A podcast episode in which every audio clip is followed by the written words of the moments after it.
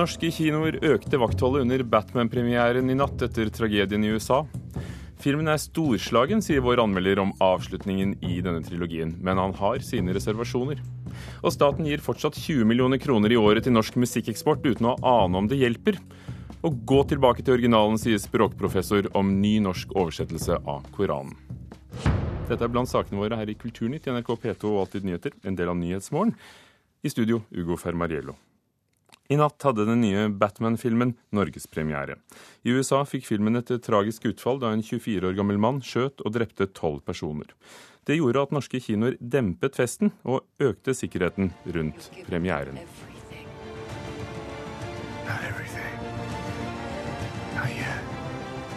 Den nye Batman-filmen The Dark Night Rises kom til norske kinosaler i natt. Ved Trondheim kino valgte kinosentersjef Anniken Sandberg å droppe det planlagte premiereshowet før midnattspremieren. Da hadde vi nok hatt litt mer, litt, litt mer jeg, stas rundt det, med litt effekter og litt, litt lyd og litt lys og litt mer sånn. Men det har vi valgt å gå bort ifra. Det er i respekt av, eh, for de som har gått bort i USA, for det er en tragisk hendelse. Sist fredag ble 24 år gamle James Holmes pågrepet etter at han under premieren til den nye Batman-filmen skjøt og drepte tolv mennesker og skadet 58 i byen Aurora i Colorado, USA. Da filmen hadde norsk premiere i natt, økte flere kinoer sikkerheten rundt premierevisningen.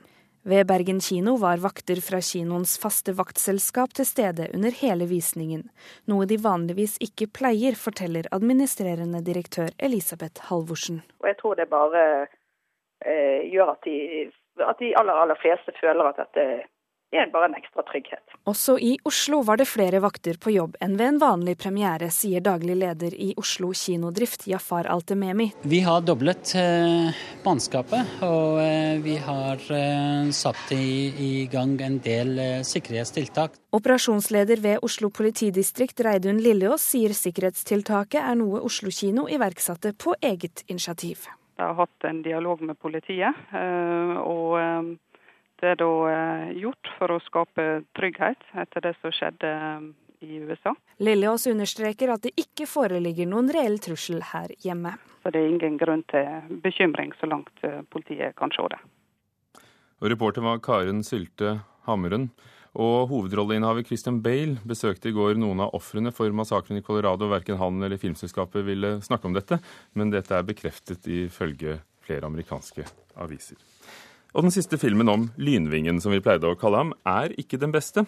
Dette er den siste av de tre Batman-filmene fra regissør Christopher Nolan. The Dark Night Rises, Den mørke knekt, eh, står opp, kunne vi kanskje kalt den. Den kunne trengt en bedre skurk, sier vår anmelder Rune Haakonsen. storm coming. Åtte år er gått siden Bruce Wayne og Batman viste seg offentlig i Gotham. Ansvaret for at byens helt er død, henger over ham, mens sannheten ligger begravet. Nå er det igjen behov for en som kan tenne håpets lys. Regissør Christopher Nolans The Dark Night Rises er en mørk, spennende og kompleks film, men den holder ikke samme nivå som forgjengeren.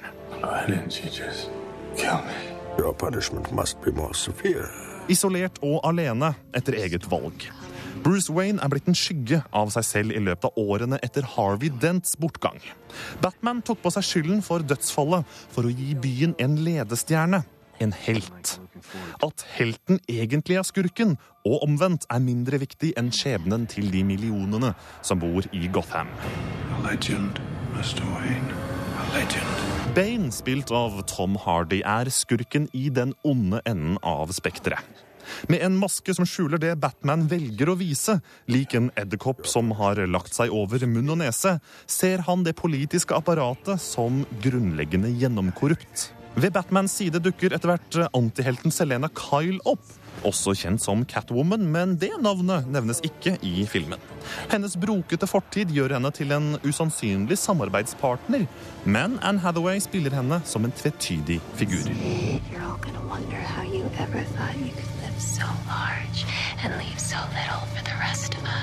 Bane er trilogiens svakeste skurk.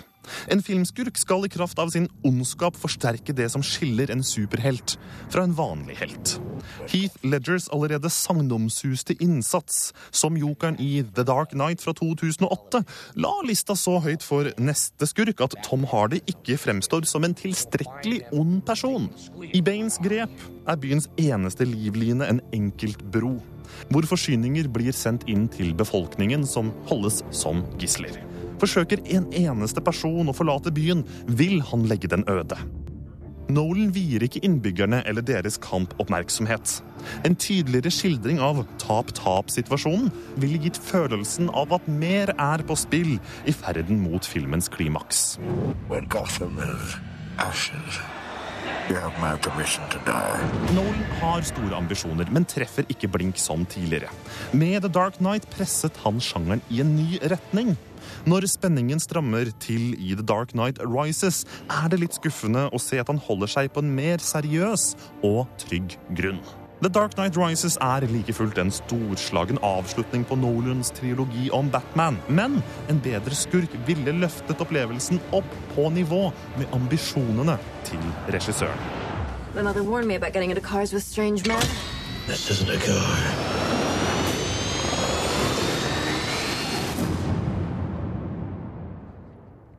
Det var Rune Haakonsen som hadde sett eh, Batman eh, The Dark Night Rises. Og du kan eh, debattere filmen på nrk.no film på nettet.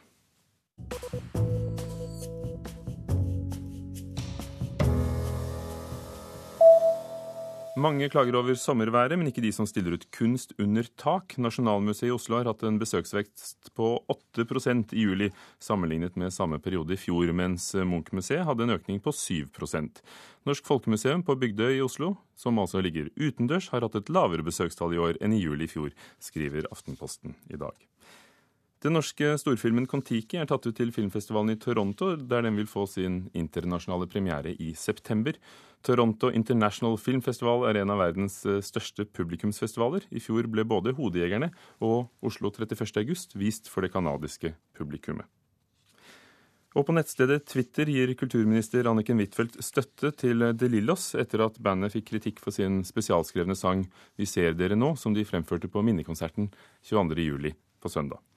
Kritikerne mente sangen var banal og for rett frem. Huitfeldt skriver på sin side at De Lillos bruker enkle og direkte ord om eksistensielle spørsmål.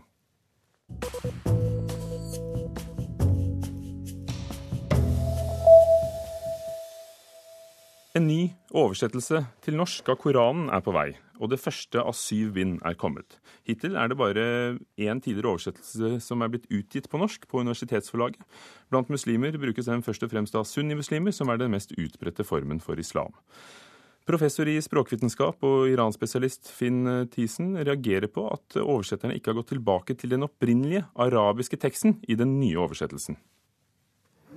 Er det forkastelig å, og oversette Koranen indirekte når man har ja, når, man, når, man, når, når den foreligger på et språk der er til de grader studert og, og utforsket som arabisk.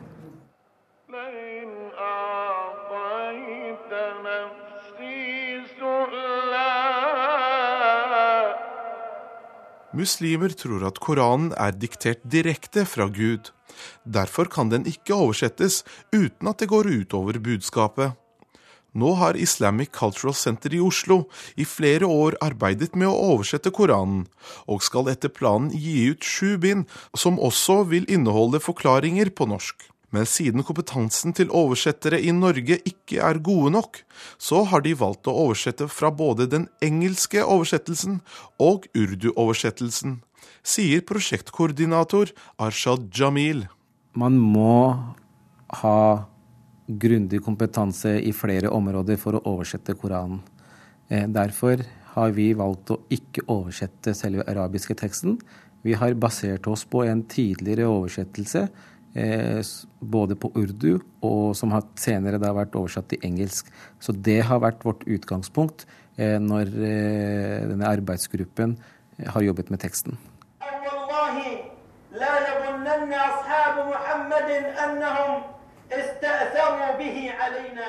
Finn Thiesen er i dag pensjonist, men har tidligere jobbet som professor i språkvitenskap ved Universitetet i Oslo. Han har tilbrakt store deler av livet sitt i muslimske land, og da spesielt i Iran. Han forteller at det er vanskelig å oversette en bok som er viktig for så mange mennesker. Ja, jeg mener, uh, Koranen er jo en så til de grader viktig bok for muslimer, som jo hevder at eh, det kan ikke endres så mye som et komma i den. Den er, helt, den er helt som Gud har skapt den. Gunvor Meidel er bl.a. professor i Midtøsten-studier ved Universitetet i Oslo, og har oversatt en rekke bøker fra arabisk til norsk. Hun forteller at det å oversette arabisk har mange utfordringer, og særlig når arabiske ord har flere betydninger. Det kan også være at det arabiske ordet har veldig mange forskjellige betydninger i ulike kontekster. Og da må jeg velge. Altså en oversetters arbeid er veldig mye å velge mellom forskjellige alternativer. Det fins liksom ikke én riktig oversettelse, men det er altså å finne den best mulige løsningen.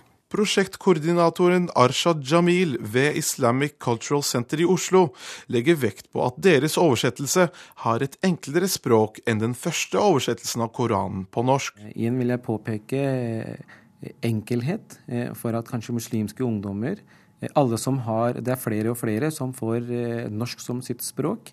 Og dermed er det også da viktig at det finnes en utgave som er enkel å forstå, som er lett å lese. Og nå er altså det første av de syv bindene i denne nyutgaven kommet, og det var reporter Fouad Sharki som hadde laget om Koranen på norsk. Klokken nærmer seg kvart over åtte dører på Nyhetsmorgen i NRK P2 og Alltid nyheter. Overskriften i dag. Syriske styrker har i natt skutt, ned, skutt med artilleri mot forstaden Al-Tel i Damaskus. Hundrevis av familier har flyktet i panikk, sier beboere og opposisjonsaktivister. Reporter Sissel Wold sier at regimet har flyttet tropper for å intensivere kampene i store byer. Kampene fortsetter, og også i Aleppo, denne syriske byen som er uh, viktig for uh, Syrias økonomi, som ikke er så veldig langt herfra. Der har det vært voldsomme kamper. Regimet har satt inn kamphelikoptre. Og vi har også sett eh, bilder av jagerfly over eh, byen. Og det meldes også om at regimet har flyttet tropper fra andre steder i landet til Aleppo for å eh, intensivere kampene der. Det kan bli nødvendig å sparke styremedlemmer for å få ned lønnen til norske toppledere. Det sier lederen av Stortingets næringskomité, Arbeiderpartiets Terje Aasland. Og meteoritten som ble funnet på Grefsen i Oslo i mars i år, er sporløst forsvunnet og etterlyses av Naturhistorisk museum. Og i dag er det VGs litteraturanmelder som skal anbefale sommerlitteratur litt senere her i Kulturnytt. Hvert år bruker staten 20 millioner kroner for å styrke norsk musikkeksport uten å vite om det hjelper. I juni ble organisasjonen Music Norway dannet. Det er de som skal gi støtten. Og de vil vurdere å regne på hvor mye musikk vi selger for, men i dag har de ingen oversikt over hvor mye det er. I Sverige derimot har de full oversikt. Bernhoft. Bernhoft live på den tyske TV-kanalen ZDF. Han er den siste som har fått promoteringsstøtte fra Music Export Norway. Hvert år gis det 20 millioner kroner fra Kultur- og utenriksdepartementet og fra Kulturrådet. Dette for å styrke posisjonen til norsk musikkbransje i utlandet, samt å legge til rette for salg og eksport, som det heter i føringene fra Kulturdepartementet.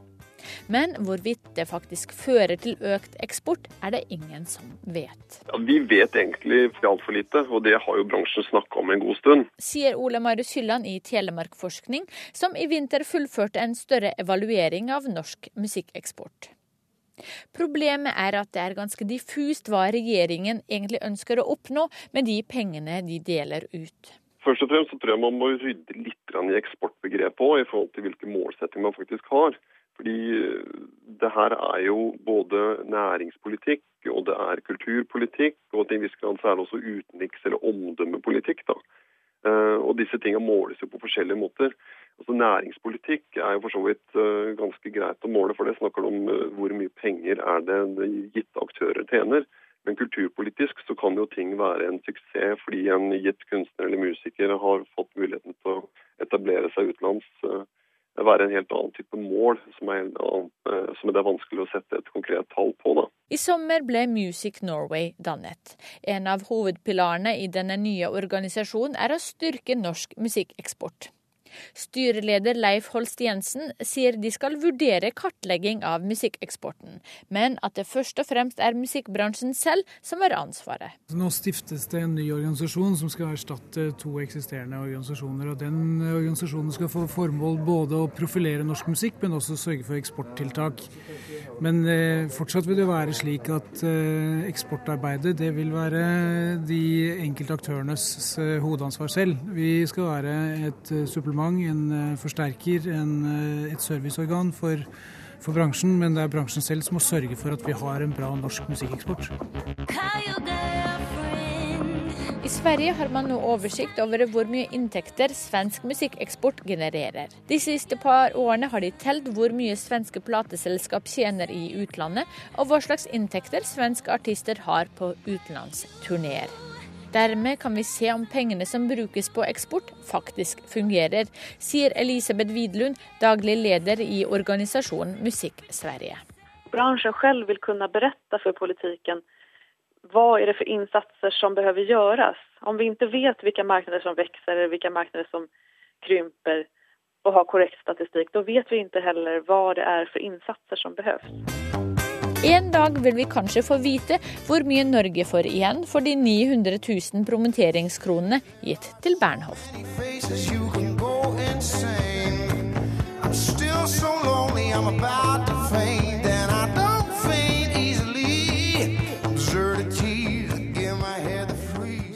Jarle Bernhoft, og det var reporter eh, Sofia Paskevitsj som hadde laget denne saken.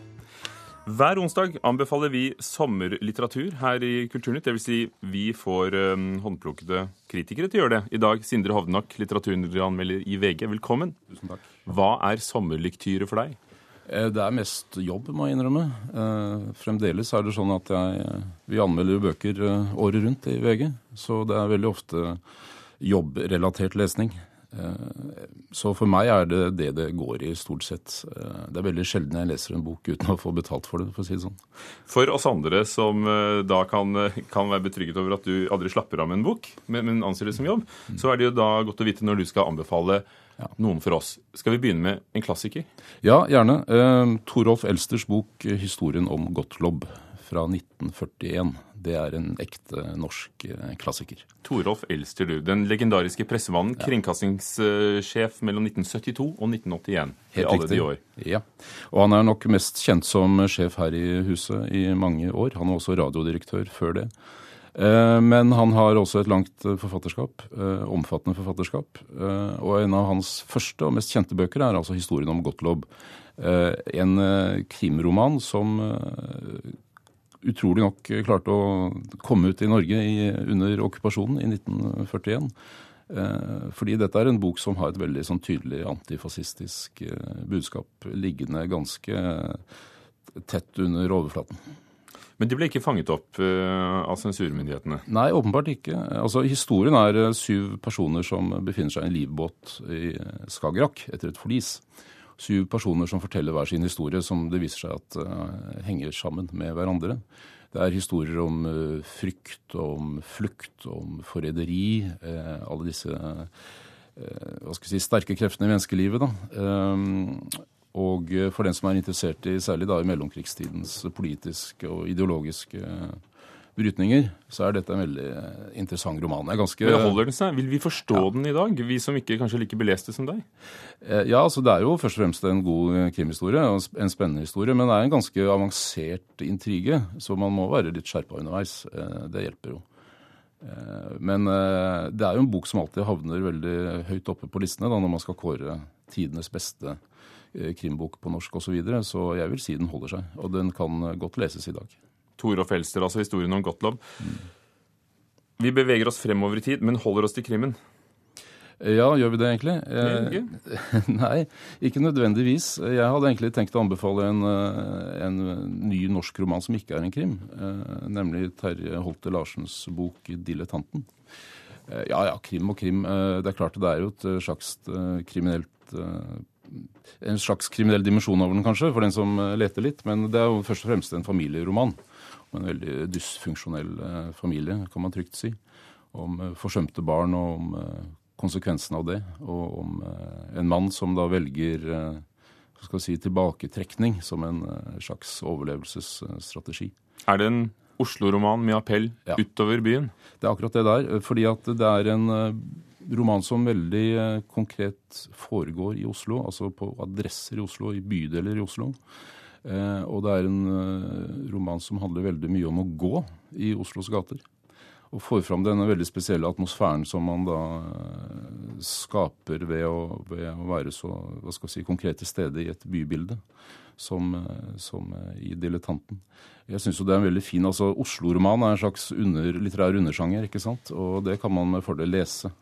Eh, I hvert fall én av hver sommer, syns nå jeg. Så 'Dilettanten' er en, en god anbefaling for en Oslo-roman som har eh, absolutt appell utover eh, byens grenser. En god litterær by, altså utenlands? Ja.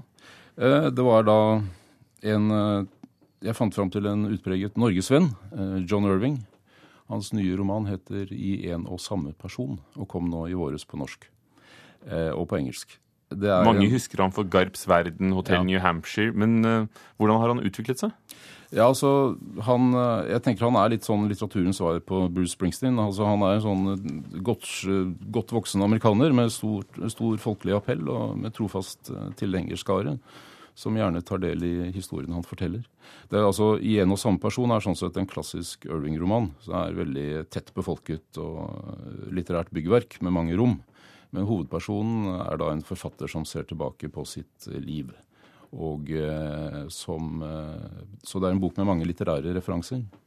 Eh, og så er det en bok som handler om disse urmotivene hos Irving. Det er om det å vokse opp uten en tilstedeværende far. og Det handler veldig mye om seksualitet. Ganske eksplisitt, vil jeg si. Om transseksualitet. Hva er budskapet? Ja, Det er et ganske skarpt politisk budskap hos Irving denne gangen. Han er veldig front mot den amerikanske aids-politikken på 80-tallet. Eh, det handler altså om tap av mennesker. Takk skal du ha, Sindre Hovnak, anmelder i VG, som anbefalte Torolf Elster, historien om Gottlob, Terje Holte Larsen, Dilettanten og John Irving i én og samme person. I kveld er det igjen premiere på spelet om Heilag Olav på Stiklestad, som det har vært hvert år siden 1964, ofte med heftig diskusjon om hvordan årets utgave er. Er det tradisjonstråd nok? Og at spelet betyr mye, det merker kongen, Henrik Mestad. Liksom, vi hilste på hverandre. Også den, når dere satte i gang med akkurat den 'Vilja di høyra kveet mitt', det var en sterk opplevelse. Altså. Høre litt den, eh, den, klangen og det engasjementet for den musikken.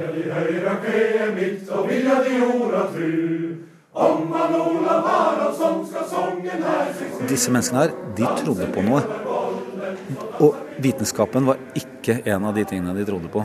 Så enten tror du på den forklaringsmodellen for verden, eller på den forklaringsmodellen for verden. Det er ekstremt viktig for alle mennesker på den tida her å ha et forhold til noe som er større enn det vi kan ta på. Alle har det. Henrik Mestad spiller kong Olav Haraldsson dagen før kongen skal gjenerobre tapt slagmark i Trøndelag i spelet på Stiklestad. Olav den hellige, som han kanskje er mest kjent som, innførte kristendommen i Norge og samla landet til ett rike. Ved slaget på Stiklestad 29.07.1030 ble kongen drept, men historiene om han lever fortsatt. Spelet famner publikum fra hele Norge, og direktør for Olsokdagene på Stiklestad, Turid Hofstad, mener Stiklestad-spelet er et nasjonalt symbol og det er ikke tilfeldig. Ja, det er jo nettopp dette uttrykket for eh, nasjonen Norge, som vi f.eks. ser i riksvåpenet. Altså øksa riksvåpenet er jo den øksa som Olav ble drept med på Stiklestad, og den er jo her i dag. Så Stiklestad er jo på en måte et uttrykk for nasjonen Norge. Åh! Skal du bryne deg skarvjåen din i hele kveld? Intens øving to dager før Olav Haraldsson utkjempe sommerens første slag. Mens andre festivaler forgår og gjenoppstår om hverandre, sitter om lag 15 000 publikummere hver sommer på trebenkene rundt utescenen på Stiklestad. Det er et resultat av stadig fornyinger på scenen, i musikken og i regien, Og ikke minst et enormt engasjement i lokalsamfunnet. Første dagen jeg er i Verdalen, så kommer folk bort og sier 'Hei, se her, så er nye kongen, ja'. Ikke sant? Det er ganske sterkt, altså. Fordi det menneskene alltid har gjort, og vårt, et, vårt viktigste behov etter mat sannsynligvis, er å fortelle hverandre historiene våre. Og her er det et helt samfunn hvor den står så sterkt. Folk har døpt barna. ja, Et lite barn jeg møtte i dag, han, heter, han, er, han, han er oppkalt etter en, en, av krigerne som jo som er dikta inn i spelet. da, men ikke sant? Altså, Folk heter navn fra de i spelet. Det, det er sterkt. altså, Det er ordentlig sterkt. Vilja de høyra kve mitt, og vilja de